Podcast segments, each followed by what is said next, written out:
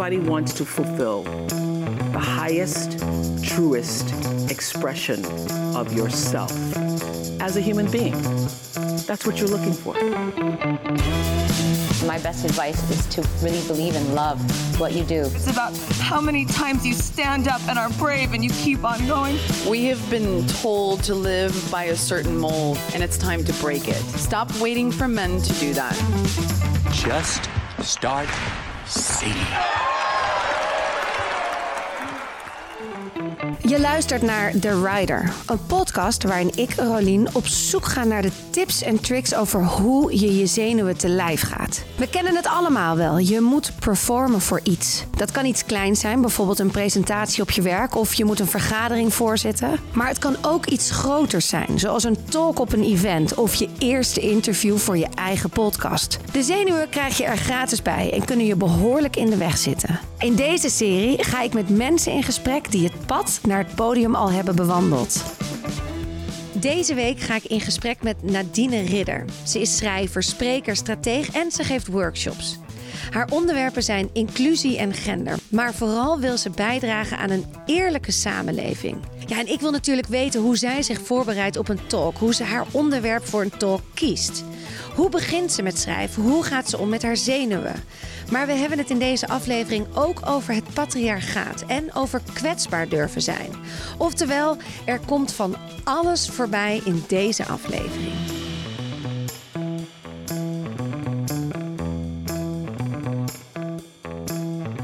Ehm, de eerste vraag is: Ja.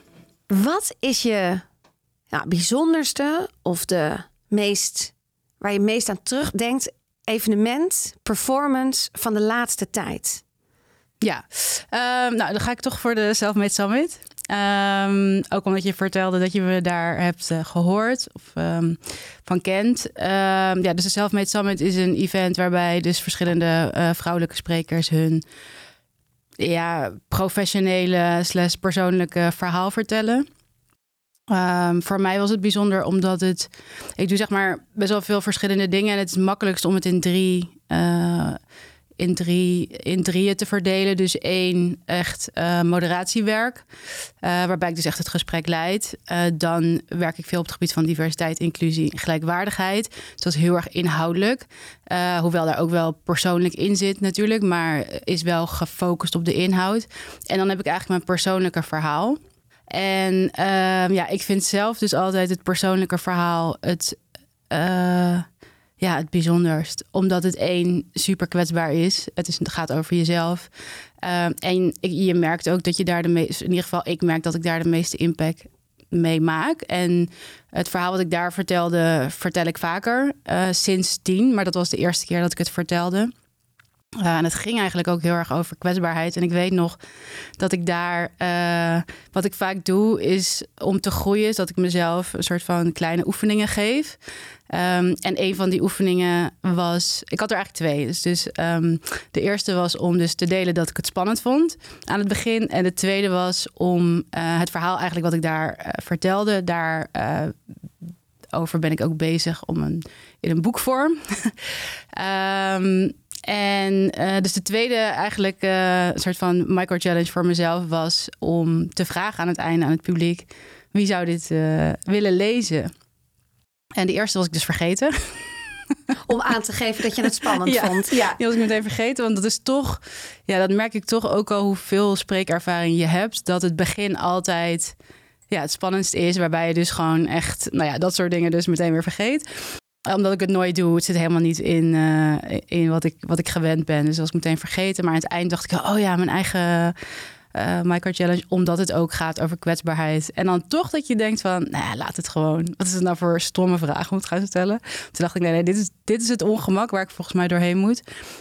Um, dus toen heb ik het wel gevraagd. En toen gingen er heel veel handen de lucht in, wat natuurlijk super fijn was. En dan voelt het meteen weer een soort makkelijk. Zo van, ja, natuurlijk gaat iedereen ja zeggen. Maar voor hetzelfde geld had niemand uh, de hand opgestoken. En dan was het natuurlijk wel heel pijnlijk ook geweest. Um, maar daar moeten we denk ik ook een beetje vanaf dat dat dan pijnlijk is. Want ja. ik vind het gewoon heel fijn ook om dingen te creëren met het publiek. Om echt te voelen van, ja, dit is niet mijn verhaal en ik stuur het de wereld uit en succes ermee. Maar op juist zo'n event is natuurlijk ook een heel goed middel om echt te voelen van, wat doet dit nou met anderen? En ja, een heel mooi uh, of een teken, denk ik, van dat je verhaal uh, impact heeft. Uh, dat, je, dat je impact maakt met je verhaal, is dat achteraf er superveel mensen naar me toe kwamen. Die dan ook hun verhaal wilden delen. Of dit herken ik, of dat herken ik. Of nou ja, ook weer een van de weinige mannen die er waren om zijn ideeën op mijn verhaal te delen. Wat ook wel weer grappig was. Ja. Um, ja, dus dat. Ja, snap ik. En ook inderdaad dat kwetsbare. Laten we even deze inderdaad onder de loep nemen. Mhm. Want ik vind het gewoon super interessant om te beginnen is... hoe heb je dit verhaal gecreëerd? Um, ja, kijk, het is bij mij altijd een combinatie van. Omdat ik, ik schrijf ook uh, stukken. Dus dat is eigenlijk ook altijd een combinatie van theorie en persoonlijke ervaring. Dus de reden waarom ik over. Daarom vind ik het ook heel lastig om in opdracht te schrijven. Om echt uh, te zeggen van oké, ga. Uh, iedere maand, iedere week een column schrijven. het komt echt vanuit intrinsieke motivatie. En het zijn vaak dingen in de maatschappij die me raken, omdat ik daar ergens in mijn leven zelf mee te maken heb gehad ik probeer ook heel erg mijn eigen perspectief daarin te verbreden en op te letten wat er met andere mensen gebeurt. Uh, maar in eerste instantie, het is natuurlijk ook mensen eigen, is het uh, de, de, dingen die, die mijzelf hebben geraakt, wat ook voor dat vuur zorgt, uh, om daar dan iets mee te gaan doen. Um, en het was ook een persoonlijk ontwikkelingsstuk. Um, waar ik in zit. Dus het was eigenlijk een combinatie van: hey, we leven in een patriarchale um, koloniale wereld. Dat zijn hele grote thema's, grote onderwerpen. En wat doet dat dan met iemand die eigenlijk, ja, eigenlijk als vrouw van kleur dan in de wereld daarmee te maken krijgt? Dus eigenlijk die hele grote thema's uitleggen. Dus ik vind het wel echt belangrijk dat steeds meer mensen ook begrijpen uh, waarom het zo belangrijk is om uit te zoomen en waarom het zo belangrijk om, is om, die, om het systematische ervan te zien. Omdat je als je alleen maar op de situaties blijft, nooit begrijpt waarom er zoveel weerstand is. Uh, of ja, überhaupt begrijpt wat het uiteindelijk betekent ook in de wereld. Dus ik vind het belangrijk om te vertellen. Maar ik weet ook dat het veel meer aankomt wanneer ik het klein maak en eigenlijk mijn persoonlijke verhaal daarin deel. En Kijk, het interessante vind ik ook van dat verhaal. Het gaat eigenlijk heel erg over hoe we in de maatschappij bepaalde eigenschappen uh, heel erg belonen en andere afstraffen. Uh, dus uh, traditionele leiderschapseigenschappen, eigenlijk zoals daadkracht, overtuigingskracht, dominantie, aanwezig zijn, et cetera. Um, en de wat, um, ja, dat vinden we dan. Ik, ik wil dus liever niet mannelijk-vrouwelijk gebruiken. Maar de verbindende eigenschappen eigenlijk, zoals kwetsbaarheid, empathie, verbinding, zorg.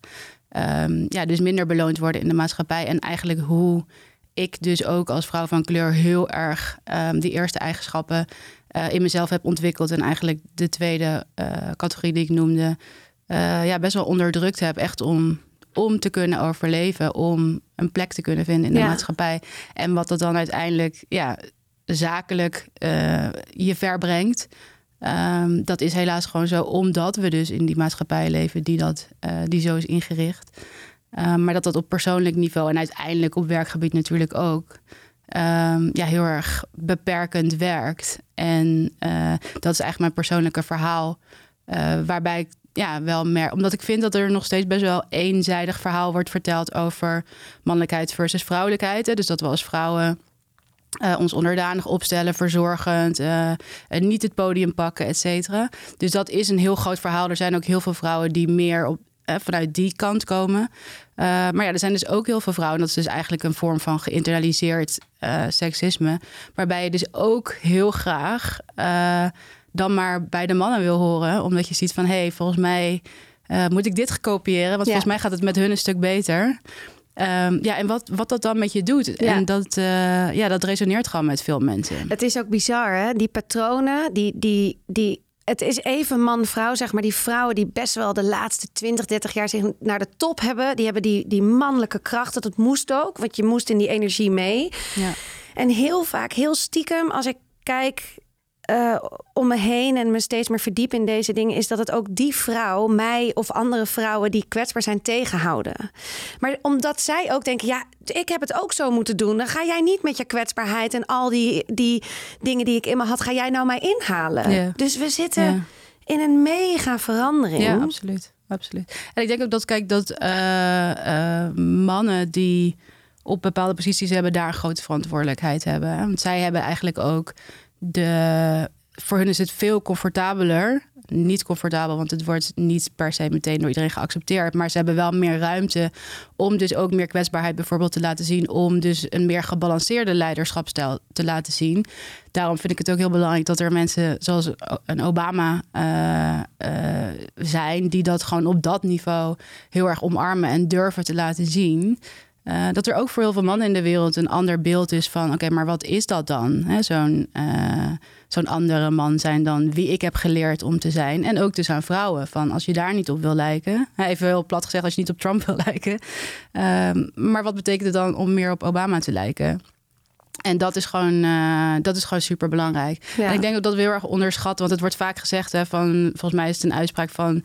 Er is een speciaal plekje in de hel voor vrouwen die andere vrouwen niet helpen.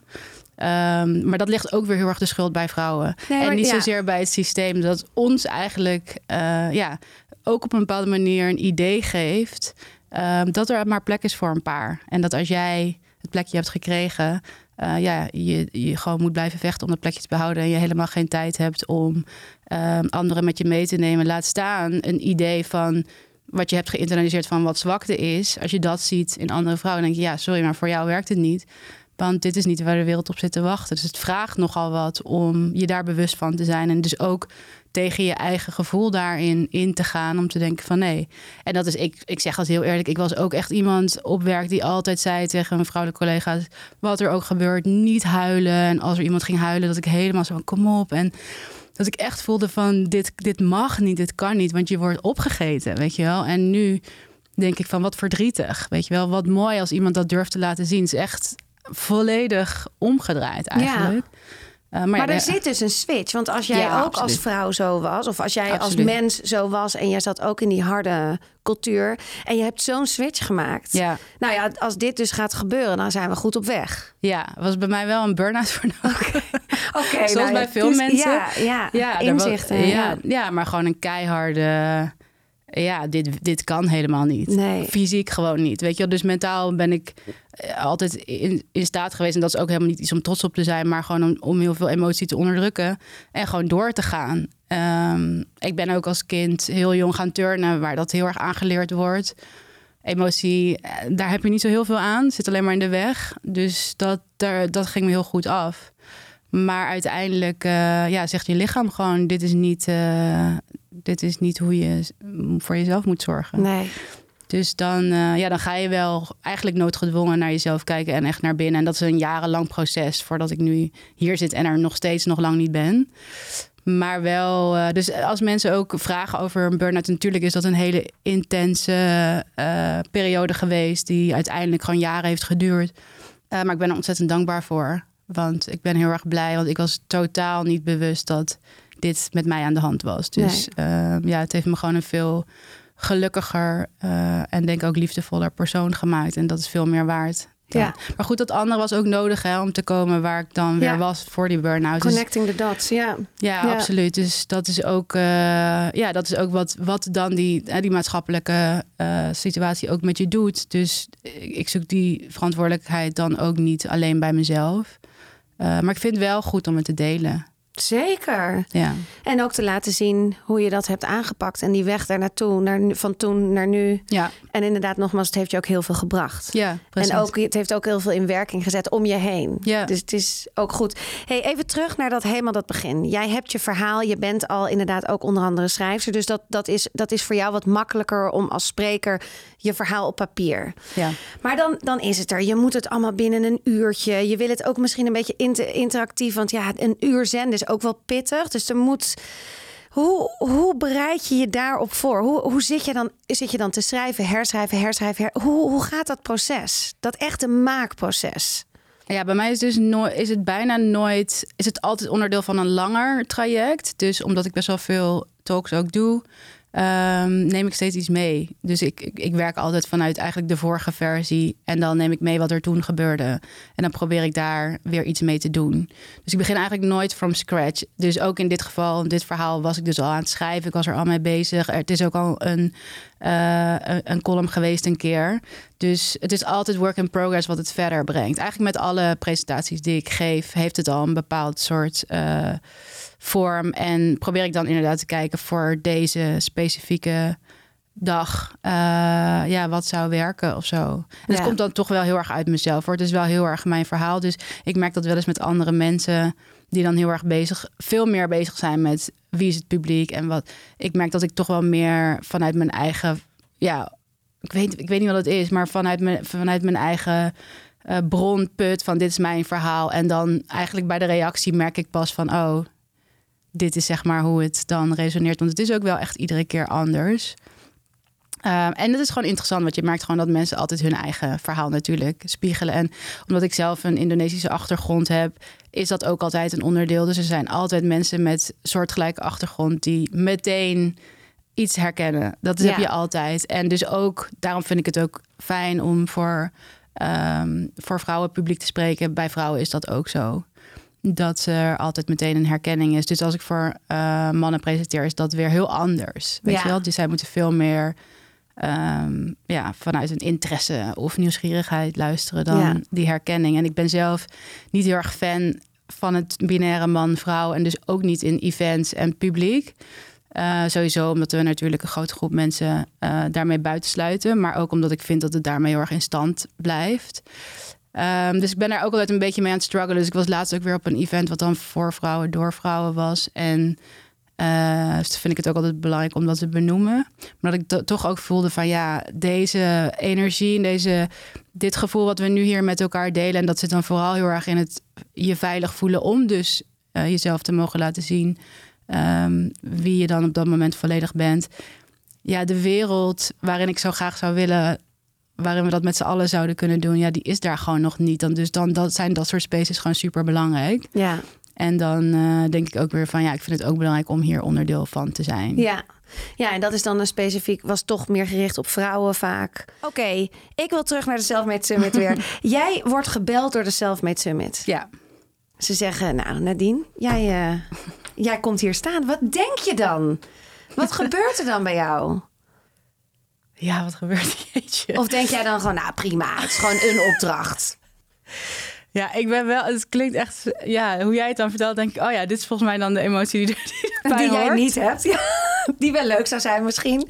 Nee, maar dat kan toch dat jij gewoon niet, daar, daar ook gewoon ja, nuchter nee, bent? Ik ben wel nuchter daarin, maar ook omdat ik het eigenlijk pas echt ervaar als ik er ben. Dan, ja. dan besef ik pas van, oh ja, dit is wel echt iets bijzonders. Weet je wel?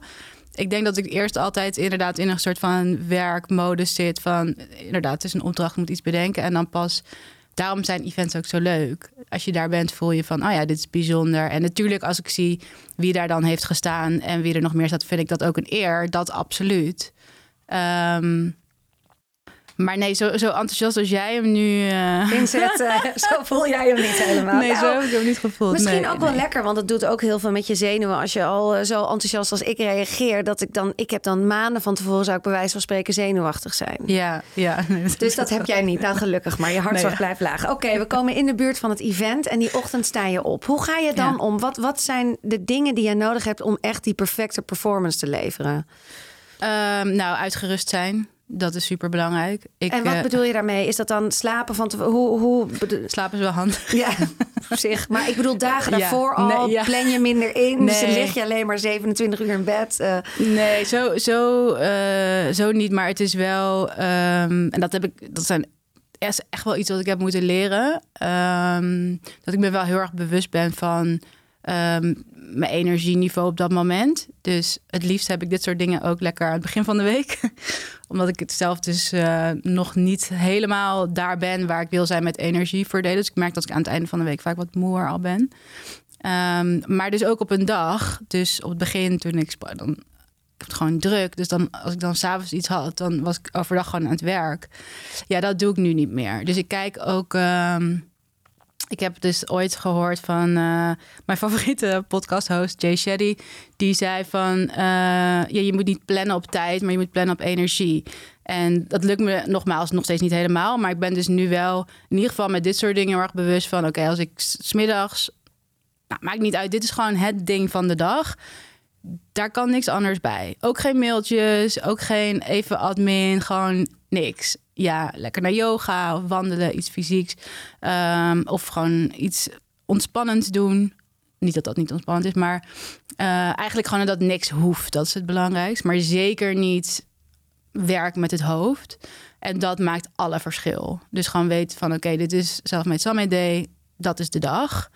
Uh, sowieso van tevoren dat het verhaal echt af is. Dus ook niet meer op die dag nog ja. lopen te tikken en te schrijven en aan te passen. Ja, het is gewoon af. Het is af en ik vind het fijn ook dat uh, als het bijvoorbeeld eerder gestuurd moet worden of zo, dan is dat gewoon je deadline. En dus snap je dus als je is gewoon. dat wel eens op events dat je ja, je verhaal... zeker. Oh ja? ja, ja, ja. Dat je gewoon dat moet, dan moeten ze dat dan al in de rest van de presentaties uh, plakken.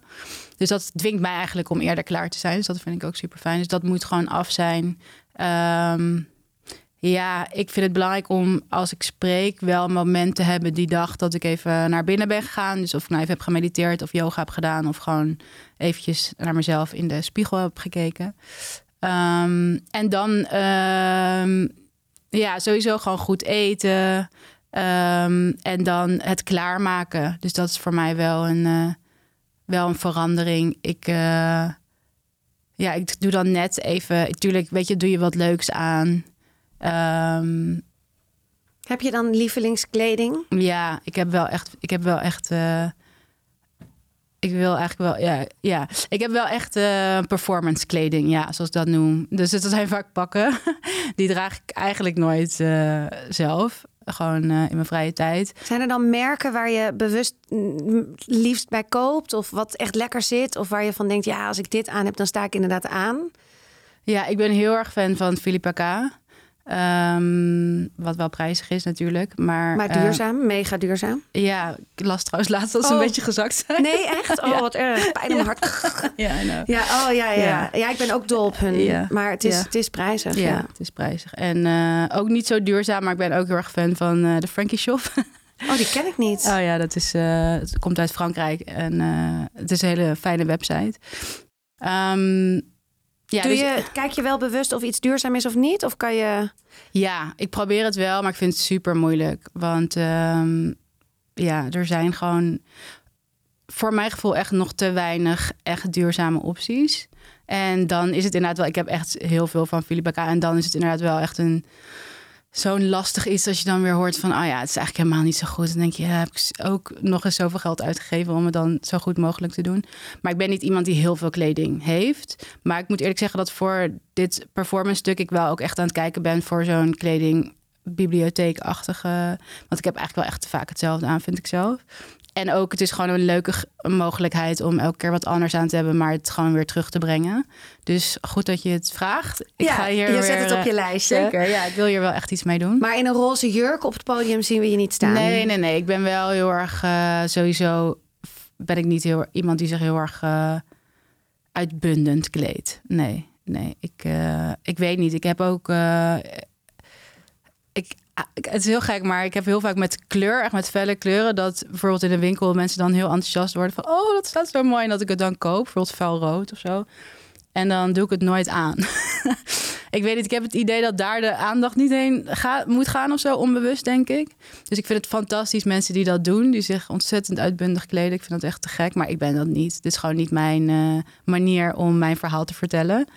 Um, dus daar, ja, dus dat is ook fijn. Ja, ja, zeker, zeker. Vooral toen ik had ook, ik had dacht ook, oh ja, als ik dan op het podium ga staan, dan, dan uh, want dat, dat komt steeds meer op mijn pad. Dus daarom ook deze podcast. Uh, en dan denk ik, ja, mooie jurken, glitters en gouden pumps en zo. nou, ik, het is gewoon allemaal niet wie ik ben. Nee. Net als ik wou dan ook mijn tatoeages weg, weet je, niet zien en zo. Nee, dat is ook wie ik ben. Ik ben gewoon het lekkerst in een zwart t-shirt. Mag op zich, dit is een falen, mag best nieuw. Ja, ja, um, en gewoon een zwarte broek. En meestal ook gewoon witte gimpen. En dat is wie ik ben. En als je me boekt, dan is dat wat je krijgt. Precies, En bij mij mij zit het in mijn ogen, mijn blonde haar of whatever je weet je waar je naar wil kijken. En in mijn stem. Ja. En dat is het. Ja. Ja, en dat voelt ook heel lekker. Want dat Ja, voelt ja, echt ja. een stukje persoonlijk leiderschap nemen over dat. Ja. Daar ben ik heel duidelijk in. Eh, dus jij gaat dat podium op. Jij bent zelfverzekerd, je hebt je outfit aan. Hoe, hoe zit het met je hartslag als je dat podium oploopt? Ehm, ja, op het begin is dat wel. eh, ja, op, ik ben altijd op het begin wel zenuwachtig. Maar het is eigenlijk denk ik nog wel het stuk daarvoor wat ik eh, wel echt heb geleerd wat belangrijk is. Dus om. Ja, ik weet niet waar ik op het begin dus echt heel erg voelde van. Ik doe gewoon net wat het publiek er niet is. Dat is denk ik ook wel heel erg wat ik van de turn heb meegekregen. Dat je altijd een, gewoon een podium of een eh, tribune en daar zaten dan mensen, maar die, die zag ik dan eigenlijk niet. Zo deed ik dat eigenlijk met spreken ook. Je ziet gewoon een soort van. Je ziet gewoon mensen, maar je kijkt niet echt of zo. Weet je, je bent gewoon naar binnen en je bent met jezelf bezig. Ehm, maar dat zorgt dus ook voor heel veel afstand. En gewoon, ja. Maar het heeft mij dus even nodig gehad om ook comfortabel genoeg te voelen om echt te denken van, oh, maar ik sta hier niet eh, voor een camera. Ik sta hier eh, voor mensen, weet je wel. Dus nu ben ik juist dat heel bewust gaan doen om van tevoren al. Hè, want op dat eerste moment is natuurlijk meteen. Ja, dan ben, je, dan, dan ben je natuurlijk het meest gespannen eigenlijk. En dan krijg je ineens die confrontatie met het publiek. Dus om echt van tevoren even de, de zaal te voelen. Dus ik probeer altijd... ehm, vaak gaan mensen dan zitten om er al een beetje doorheen te lopen. Gewoon mensen gedachten zeggen aan te kijken. Of even ernaast te gaan staan, echt een beetje rond te kijken. Ehm, ja, en dat voelt eigenlijk veel fijner. Dan ja, heb je echt contact gemaakt en dan ga je iets voor het publiek doen. Maar dat heeft dus wel bij mij even wat... Maar ik vind dat voor een sprekersklus, je eigen verhaal vertellen, lastiger. Ja. Kijk, bij een dagvoorzittersklus klus sta ik het liefste bij de deur. Ja, Want dan kan ik meteen contact maken met het publiek. Dan weet ik al, dan voel ik de vibe. En Ja. dan denk ik, ja, ik wil gewoon veiligheid meteen creëren. Maar met een sprekersklus, dan pak je ook weer al die energieën. Nou, ik hou het natuurlijk wel gewoon. eh, ik hou het wel gewoon in controle. Het is niet dat ik met mensen ga praten, echt Nee. of zo. Maar wel gewoon even aankijken. Ja, Ja. gewoon even. Echt even contact maken. Ja, ja. Ik denk dat het ook fijn is voor het publiek. Van, eh, als je dat doet. Ja. Weet je wel? Dus, eh, en ik weet nog bij eh, Selfmade Summit hadden ze ook echt hele leuke muziek aanstaan. Dus toen was ik ook gewoon, stond ik gewoon een beetje, ik stond niet te dansen of zo, maar wel gewoon, ik voelde gewoon dat ik een beetje in mijn lijf aan het bewegen was. Dus dat is ook gewoon heel fijn om gewoon eventjes fysiek te voelen van, hé, hey, mijn voeten staan op de grond. Eh, ik, probeer, ik ben altijd heel erg bewust van niet gespannen staan, maar een beetje door je knieën. Ja, en als er dan ook nog wat leuke muziek, dat doen ze natuurlijk ook expres. Ja, Ehm, dat is super fijn. Dat is gewoon een hele fijne manier om te beginnen. Ehm, ja, en dan als het, eh, het, het moment van het, eh, als de klok is afgeteld.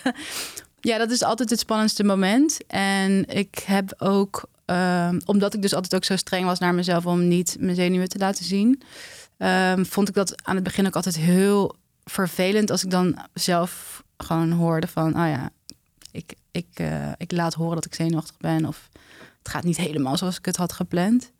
Dat ik mezelf daar best wel op afstrafte of zo. En waardoor het natuurlijk niet per se beter gaat. En ook gewoon niet fijn is voor jezelf. Ik denk dat veel mensen het niet eens, wel mensen die me goed kennen, maar veel mensen dat helemaal niet eens merken. Maar voor jezelf is het gewoon niet fijn. En dat ik dus nu ook echt eh, probeer om erin te gaan met volledige acceptatie van ja, aan het begin ben je even zenuwachtig. En dat mag je ook best laten zien. Dus net zoals die micro-challenge om dan te vertellen van ehm, ik vind het spannend. Dat staat nog steeds wel echt ver van me af. om dat Eh, zo letterlijk te zeggen. Ja, om dat te. Want ik ga dus eigenlijk meer in een soort van eh, surviving. Met mij is niks aan de hand. Eh, dan als mensen dat doen, als mensen beginnen met spreken en zeggen van. Ik ben echt, ik vind het heel spannend. Of ik merk dat ik zenuwachtig ben. Dan vind ik dat zo mooi. Dan denk ik echt, wauw, wauw, wauw, dat je dat durft. Omdat het voor mij nog steeds op dat moment gewoon niet in me opkomt. Is dat, denk je toch, dat, dat gevoel van in de corporate werken en dat toch een beetje Ja. eh, niet meteen je zwakte laat zien? Eerst Ja, even ja. heel duidelijk. Ja. Het is wel pittig, het is wel ook heftig voor, heftig, maar het is ook wel hard voor jezelf, weet je wel? Het is echt, Ja, ja.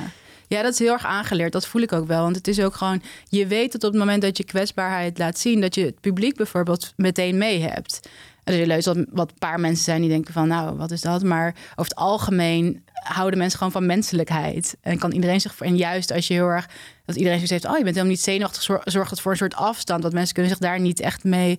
eh, niet echt in inleven. Dus nee, dat zit echt in me. Het is echt dieper dan waar ik op dat moment bij kan. Voor- Zeker aan het begin is het gewoon overleven. Gewoon doen alsof eh, alles eh, perfect is. Ja.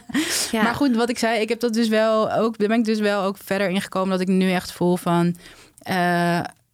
Ja, je, je stem trilt een beetje. Dat geeft helemaal niet. En vooral heel belangrijk, je vindt dit leuk. Jij vindt dit leuk. Je hoeft hier niet te zijn. Je kan ook gewoon iets anders gaan doen met je leven. Je hebt deze keuzes, je wordt niet gedwongen. Ik ben me heel erg bewust van het privilege om deze dingen te mogen doen. Dus ik vind dat ik daar ook een verantwoordelijkheid in heb om ervan te genieten. Eh, richting mezelf, maar ook richting andere mensen. Dus en dat is ook wel echt, eh, als, het, als het zeg maar over zenuwen gaat, voor mij iets heel belangrijks. Dat eigenlijk altijd als ik echt iets heel spannend vind, dan voel ik toch een beetje de dag ervoor of zo van. Ja, waarom doe ik dit eigenlijk? Weet je wel? Van het hoeft ook niet. Of zo. Van eh, ik zou gewoon. Ik zou gewoon even willen dat niemand naar me kijkt. Weet je, allemaal dat Ja. soort dingen. En eh, toen heb ik dus inderdaad op een gegeven moment ook gewoon tegen mezelf gezegd van... Kijk, volgens mij vind je dit heel leuk om te doen. Probeer gewoon bij dat gevoel te blijven. Dus dat helpt me gewoon steeds om te denken van... eh, Ook al voel ik nu iets anders, jij vindt dit leuk. Ja. Jij doet dit. En je wordt, je, het is ook heel bijzonder dat je pad zo is gelopen dat je hiervoor wordt gevraagd. Ja, dat je absoluut. verhaal eh, moet gehoord worden. Mensen moeten het van jou horen, weet Ja. je wel, om, om er iets mee te gaan doen.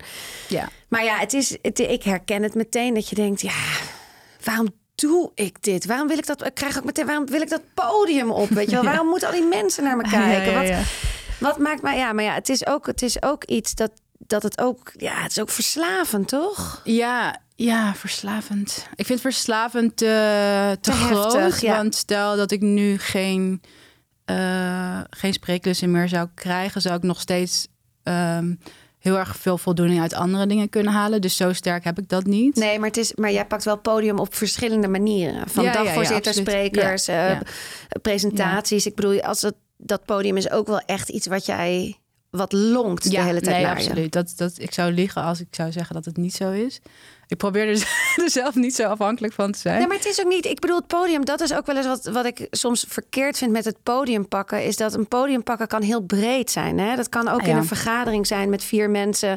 Maar dat jij je ruimte pakt om, te, om je Ja. te uiten over de dingen die jij belangrijk vindt. En ja, toevallig hebben we het nu over de Selfmade Summit. Maar pak vooral je eigen podium. Ja, absoluut. Nee, dat zit wel diep bij mij. Ja, ik heb dat altijd heel sterk gehad. Ehm, ook omdat ik dus voelde van niemand gaat jou de beurt geven. Ehm, dus dan, dan moet je dat zelf doen. En echt aan het begin van mijn carrière was ik ook heel erg bewust van als er dan bijvoorbeeld een grote meeting was of zo, dat ik niet dat ik vind dat je iets moet zeggen wat nergens op slaat, alleen maar om iets te zeggen natuurlijk, maar dan vond ik altijd wel iets van waarde. Ja. Althans, dat vond ik zelf. Maar wel heel bewust van zorg in ieder geval dat je iedere keer even wat zegt. Of ik was er altijd best wel ehm, ja, strategisch mee bezig. Omdat ik ook zag van hoe de lijnen liepen. En dan, ik werkte bijvoorbeeld bij een mediabureau. En dan wat daar belangrijk was, was pitchen. Want dan, hè, dan was het een grote presentatie. En dan won je natuurlijk meestal hopelijk de klant. Dus, en ik, ik had zelf in Engeland gewoond. Dus ik weet nog dat we dan een keer een meeting hadden en toen zat de directeur erbij. En toen was dus de meeting in het Engels. En toen dacht ik, ik moet mezelf laten horen. Want hij moet weten dat mijn Engels goed is. en dan had ik gewoon wat gezegd. En dan de volgende keer werd het team samengesteld. En hij kende mij verder helemaal niet, want ik was gewoon junior daar. En ik weet nog dat hij dan zo door de kamer een beetje aan het kijken was. En mij zag en zei, oh ja, zij spreekt goed Engels. Laten haar ook maar presenteren. En dat was gewoon, het lukte ook, weet je wel. Ik merkte gewoon echt van, ja, als ik dat niet doe op dat moment, gaat niemand aan mij denken. En ik heb geen tijd en ik heb geen kruiwagens en ik heb geen privileges waarbij mensen gaan zeggen, oh zeg alsjeblieft iets. Dus als ik het niet doe, dan... En dat is ook een soort van, dat maakt het bij mij denk ik ook zo... ehm, ja, zo sterk dat gevoel van hè, jezelf laten horen. Omdat je dus voelt van... volgens mij is deze wereld niet heel erg gemaakt om mij de, het platform aan te reiken. Nee. Uh, maar het is wel belangrijk dat dit verhaal verteld wordt. Um, dus er zit ook heel erg een soort van overleving, soort vechtersmentaliteit achter, die ik gewoon heb uh, ingevuld door uh, ja, dat in een eigenlijk. Ik, ik, ik wil eigenlijk geen stem zeggen, omdat iemand me een keer terecht wees op iedereen heeft een stem. Je hebt een platform, dat klopt. Dus eh, ja, om aan dat platform te werken, wat er dus ook voor zorgt dat, ehm, ja, dat, dat, dat je het zelf creëert eigenlijk. Ja. Weet je, het wordt niet voor je gecreëerd. Maar ik hoor ook heel erg in dit verhaal is dat jij toch ook vanaf jongs af aan, en misschien kwam dat ook door turnen, bepaald niveau, dat je ook wel heel erg je eigen kracht ook wel kent, je eigen waarde ook wel heel duidelijk voelt. Ja, ja, klopt. En Dat Nee, is goed, fantastisch. Creëer dat voor nog meer mensen, alsjeblieft. Maar dat is ook wel, het is, zit ook echt in jou. Ja, het zit ook heel erg in mij. En ik denk ook wel ehm, voor een deel dat dat natuurlijk ook met je opvoeding te maken heeft. Eh, maar in mijn geval ook wel met ehm, ja, zeg maar de generatie die, of, of de plek in de generatielijn die ik invul. ehm, is dit het moment? Dus zeg maar de generatie van mijn vader was eh, heel erg eh, ja, assimileren en vooral zo Nederlands mogelijk zijn. En ja, gewoon heel erg op dat aanpassen. En deze, mijn generatie heeft eigenlijk daardoor de ruimte gekregen om zich uit te gaan spreken. En ik zeg, mijn generatie ziet het eigenlijk nu nog veel meer bij mensen die nu rond de twintig zijn. Eh, ik voel dat wij nog heel erg zo zijn van, oh, maar hè, we moeten nog een beetje voorzichtig en rekening houden met hoe het is. En, en dat zij gewoon zoiets hebben van, nee, dit, dit moet gewoon eh, gehoord worden. Dus ik geloof ook wel in de, in de generatielijn, zeg maar, dat dit de plek is waarbij dat door voorgaande eh, generaties is vrijgemaakt om te kunnen doen. Ehm, en ik denk dat het voor een deel ook zeker karakter is. Gewoon. En ik kijk, het, het idee van dat, dat je dus een stem. Ja, ik weet niet, gewoon. Ik, vroeger al op school merkte ik gewoon dat ik daar. eh, dat dat een wapen kon zijn. Snap je? Een wapen klinkt heel negatief, misschien een tool. Ik kon niet eh, fysiek gaan vechten. Ja, dat kon wel, maar dat eh, was ik denk ik niet de sterkste. Maar wel dus dat je vroeg merkt van... hé, hey, in discussies gaat het me goed af. Dus dat ga ik verder ontwikkelen, onbewust. Hè? Dus ik heb eh, het heel lang geduurd voordat ik daar echt iets mee ben gaan doen. Maar wel dat dat dus altijd heel natuurlijk voor mij is geweest... om nooit de discussie uit de weg te gaan. En ja, dus ook wel die momenten te herkennen van... ja, echt kansen te herkennen of zo. Ik weet ook nog dat ik op een gegeven moment ergens ging werken... Ehm, en dat op mijn eerste dag hadden we een soort teamdag. En ehm, dan moesten we met groepjes en dan moest je dan één iemand moest presenteren. En dan was het dus in het groepje van wie wil presenteren. Dan zei ik meteen ik. Want dat vond ik gewoon logisch. Zo van ja, dit is ik, ik voelde niet eens van wil ik dit? Vind ik dit spa- Ik voelde gewoon ik moet dit doen. Dit is een kans, weet je wel. En ik weet nog dat toen eh, mijn collega's later aan mij vertelden van dat jij gewoon op die eerste dag en wij durfden allemaal niet te presenteren en dat jij gewoon zei ik en wij echt zo maar je werkt hier echt maar één dag. En ik had echt zoiets oh ik had ook opties weet je wel. Zo voelde het helemaal niet. Voelde gewoon van ja ik, ik moet dit nu doen want nog niemand kent mij dus ik moet dit nu doen. En dan daar met die presentatie dacht ik ja dan dan ik fix het wel of zo. Ik doe wel iets en dan komt het wel goed. Eh, dus dat is denk ik ook wel heel erg in leren van eh, ja, een beetje vallen en opstaan of zo. Maar kansen voorbij laten gaan, dat voelt voor mij echt als. Nee, dat, dat, dat, ja, dan, dan. ja, en dan, je ziet ze en je pakt ze. Ja, maar ook dus het niet pakken voelt, voelt als een soort. eh, ja, dat is zeg maar meer waar de angst zit. Om dan Ja. niet, te kunnen, niet, niet te kunnen bestaan of zo. Als Maar jij, dan moet je dus ook de hele tijd presteren. Ja. Het is best wel, de lat ligt best wel hoog. Ja, klopt. Er komen heel veel kansen op je pad. En Ja. als je ze constant moet grijpen. Ja. ja, precies. En daar voel ik nu wel iets meer rust bij. Dat ik ook gewoon durf te vertrouwen. En zeker natuurlijk als je voor jezelf werkt aan het begin, dan wordt dat weer heel sterk gevoed. Want je kan gewoon niet permitteren om ergens nee tegen te zeggen. Want ja, je moet dan gewoon eh, het doen met de dingen die naar je toe komen. Of, of waar jou op wordt gezegd. Eh, en dan op een gegeven moment moet je dat weer proberen los te laten. En ook weer vertrouwen van... hé, hey, er komen ook gewoon dingen als ik nu nee zeg. Ook al heb ik de komende maand niks, bijvoorbeeld.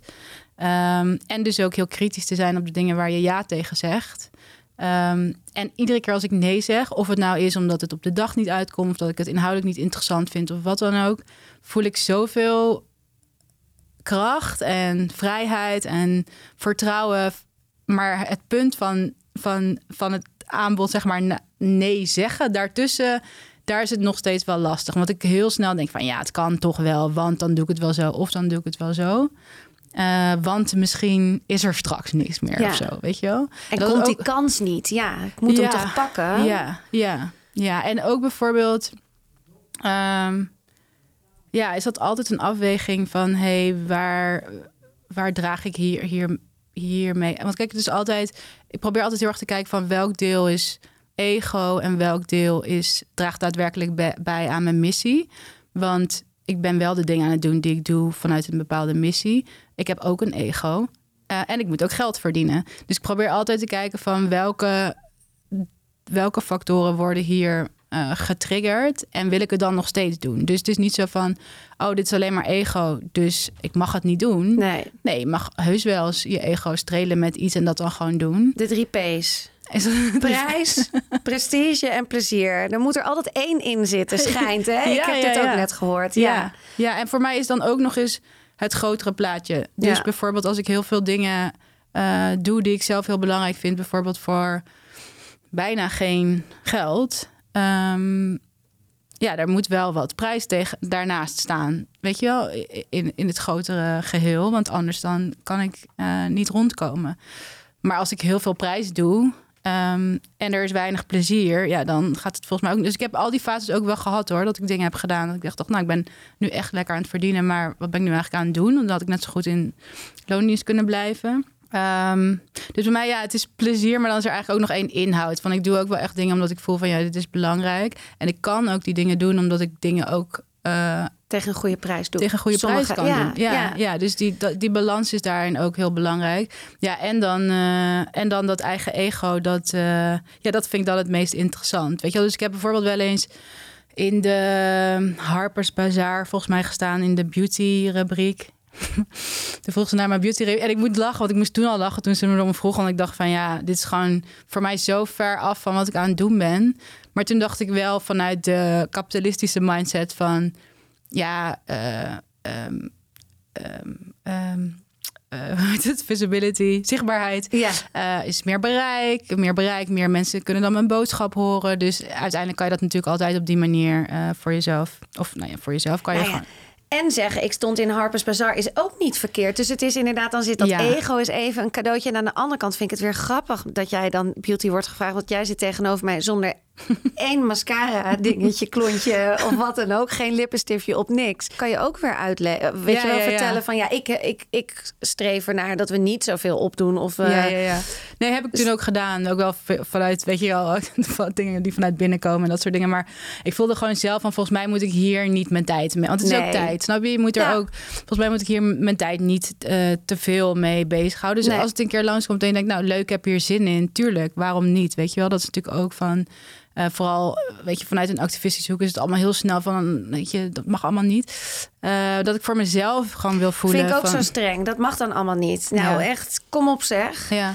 Ja, ja, ja. En dat is ook wel, ik voel zelf ook heel erg van die ontkenning van waarin we leven helpt ook niet. Weet nee. je, we zitten allemaal in het kapitalistische systeem. We moeten allemaal op een bepaalde manier. En ook want om dan. Want bij die mars stonden iedereen wel heel tof met bordjes, maar die waren wel van de Zara aan de achterkant. Ja. Dus ondertussen staan we met z'n allen te demonstreren, maar is het wel van de H&M of van de Zara of wat dan ook? Dus ja, dus je kan, je kan, okay. ja, je kan. Niemand is 100% zuiver in een kapitalistisch nee. systeem. Dat betekent niet dat je daarmee je hele verantwoordelijkheid moet loslaten. Dus dat is natuurlijk een heel lastig uh, gebied. Of, of een uh, soort van lastige ja, stretch of zo. En die, die ik denk dat je alleen voor jezelf kan bepalen waar, waar je op dat moment Zeker. heen beweegt. Het is zorg bij de Boeddha. Ja. Het is het allebei. Het is mediteren, Ja. maar het is ook dansen op de tafel. Ja, en het is ook, eh, andere mensen vinden er iedere keer iets van, Ja. maar zij zien het complete plaatje niet. Dus dat is gewoon denk ik heel belangrijk om ook voor je eigen morele kompas. Kijk, en ik heb ook eh, mensen in mijn leven die eh, een veel sterker mora- moraal, moraal kompas. Ja, heel goed. Moraal kompas is het. Ja. Ehm, hebben dan ik, die mij ook weer continu challengen daarop. Wat soms heel vervelend is, maar ook gewoon heel fijn. Maar ik heb die rol ook weer bij andere mensen. Dus ja, Ja. dat is gewoon denk ik. eh, Selfmade Summit. ja, Einde van, het, eh, einde van je talk. ja. Er komt een applaus. Hoe Ja. ontvang je die? Ehm, Hoe, vond je, hoe vind je het applaus aan het einde ja, heel van... fijn. Ik vind dat gewoon fijn. Ik, ik, op dat moment is het altijd een beetje ongemakkelijk. Omdat ik, ik vind het ook ongemakkelijk als ik zelf in het publiek zit. Gewoon die ongelijk, eigenlijk letterlijk die ongelijkheid daarin. Er staat één persoon en een publiek. En dan gaat iedereen naar die ene persoon kijken. En dan bij het klappen voel ik altijd heel erg die onge- dat ongemak. Ehm, maar ik vind het ook heel fijn. Het voelt gewoon fijn. Ik denk gewoon... eh, ja, ik ben dan ook wel trots op mezelf. Je hebt het goed gedaan. En je krijgt gewoon liefde vanuit een publiek. Dat is gewoon, eh, ja, is gewoon fijn. Ja, Ja. en dat ongemak is ook wel goed. Af en toe een beetje ongemak voelen allemaal is ook niet zo erg. Nee, precies. Nee, nee, nee, nee. En dat is ook... eh, ja, dat hoort er gewoon bij. Absoluut. Ja. Goed zo, mooi ontvangen. Ja. Dit was hem. Ik wil nog één ding weten. ja. Hoeveel krijg jij voor zo'n klus? Ehm, voor, je bedoelt voor? Ja, of voor een, een sprekersklus over het algemeen? Nou ja, het verschilt heel erg. Kijk, die. eh, eh, ik denk dat, dat heel veel van dit soort klussen echt PR-klussen zijn. Dus eh, daarmee bedoel ik dus eigenlijk niks. Daar, daar krijg je niks voor. En er zijn ook. er zijn, ja, ik heb dus zeg maar. Ik heb echt een, een, schema met stichting, tarieven, kleine organisaties, grote organisaties. En dan eh, ja, wat de verschillende producten zijn die ik voor mezelf aanhoud. Hoe groot het bedrijf is? Ook Ja. dat een beetje? Ja, ja, ja. dus zeg maar, ik kan ook een uur een presentatie geven voor 3000 euro bijvoorbeeld. En dat zit dan in de grote bedrijven. Groot publiek ook, is ook belangrijk. Vaak internationaal groot publiek. Dan vraag ik wel eh, tussen de 2 en 3000 euro. Ehm, maar ik doe dus ook dingen voor niks. Of voor een paar honderd euro. Dus zit echt, eh, ja, er zit echt van alles tussen. Wat is je lievelingsklant? Of je, je, dat je zegt, nou, als ik daar op dat publiek nog mijn verhaal mag vertellen aan die mensen. Ik heb er nog nooit over nagedacht. Nee. Je ideale klant, ja. Nee, maar misschien heb je die ook nog niet, hè? Nee, nee. Ik denk wel sowieso, ik zou het echt leuk vinden om meer internationaal ook te doen. En, ehm, maar wat voor podium dan? Ja, dat zou ik zo snel niet weten. Nee, nee, daar ben ik dan ook nog niet echt mee bezig. Nee. Maar daar, dat is ook zo leuk van, vind ik, ondernemen of van groeien in dingen, is dat het gaat, het loopt zoals het loopt. Ja, precies. Het is Ja. echt een, een pad wat je gewoon bewandelt en het ontstaat. Ja, ja. Nee, Maar- absoluut. Internationaal is hem wel. Ja, ik vind wel, eh, ja, ik zou dat wel uiteindelijk meer willen doen. Ja, ja. Snap ik. Ja. Dit was hem. Dankjewel. Dit was hem voor deze week. Vond je het leuk of heb je iets geleerd? Dan hoor ik dat natuurlijk graag. Je kan me vinden op Instagram. Hoeveel ben ik waard? De podcast. Maar je kan ook een berichtje achterlaten in Spotify. En sterren in Apple of Spotify zijn natuurlijk meer dan welkom. Voor nu, tot de volgende.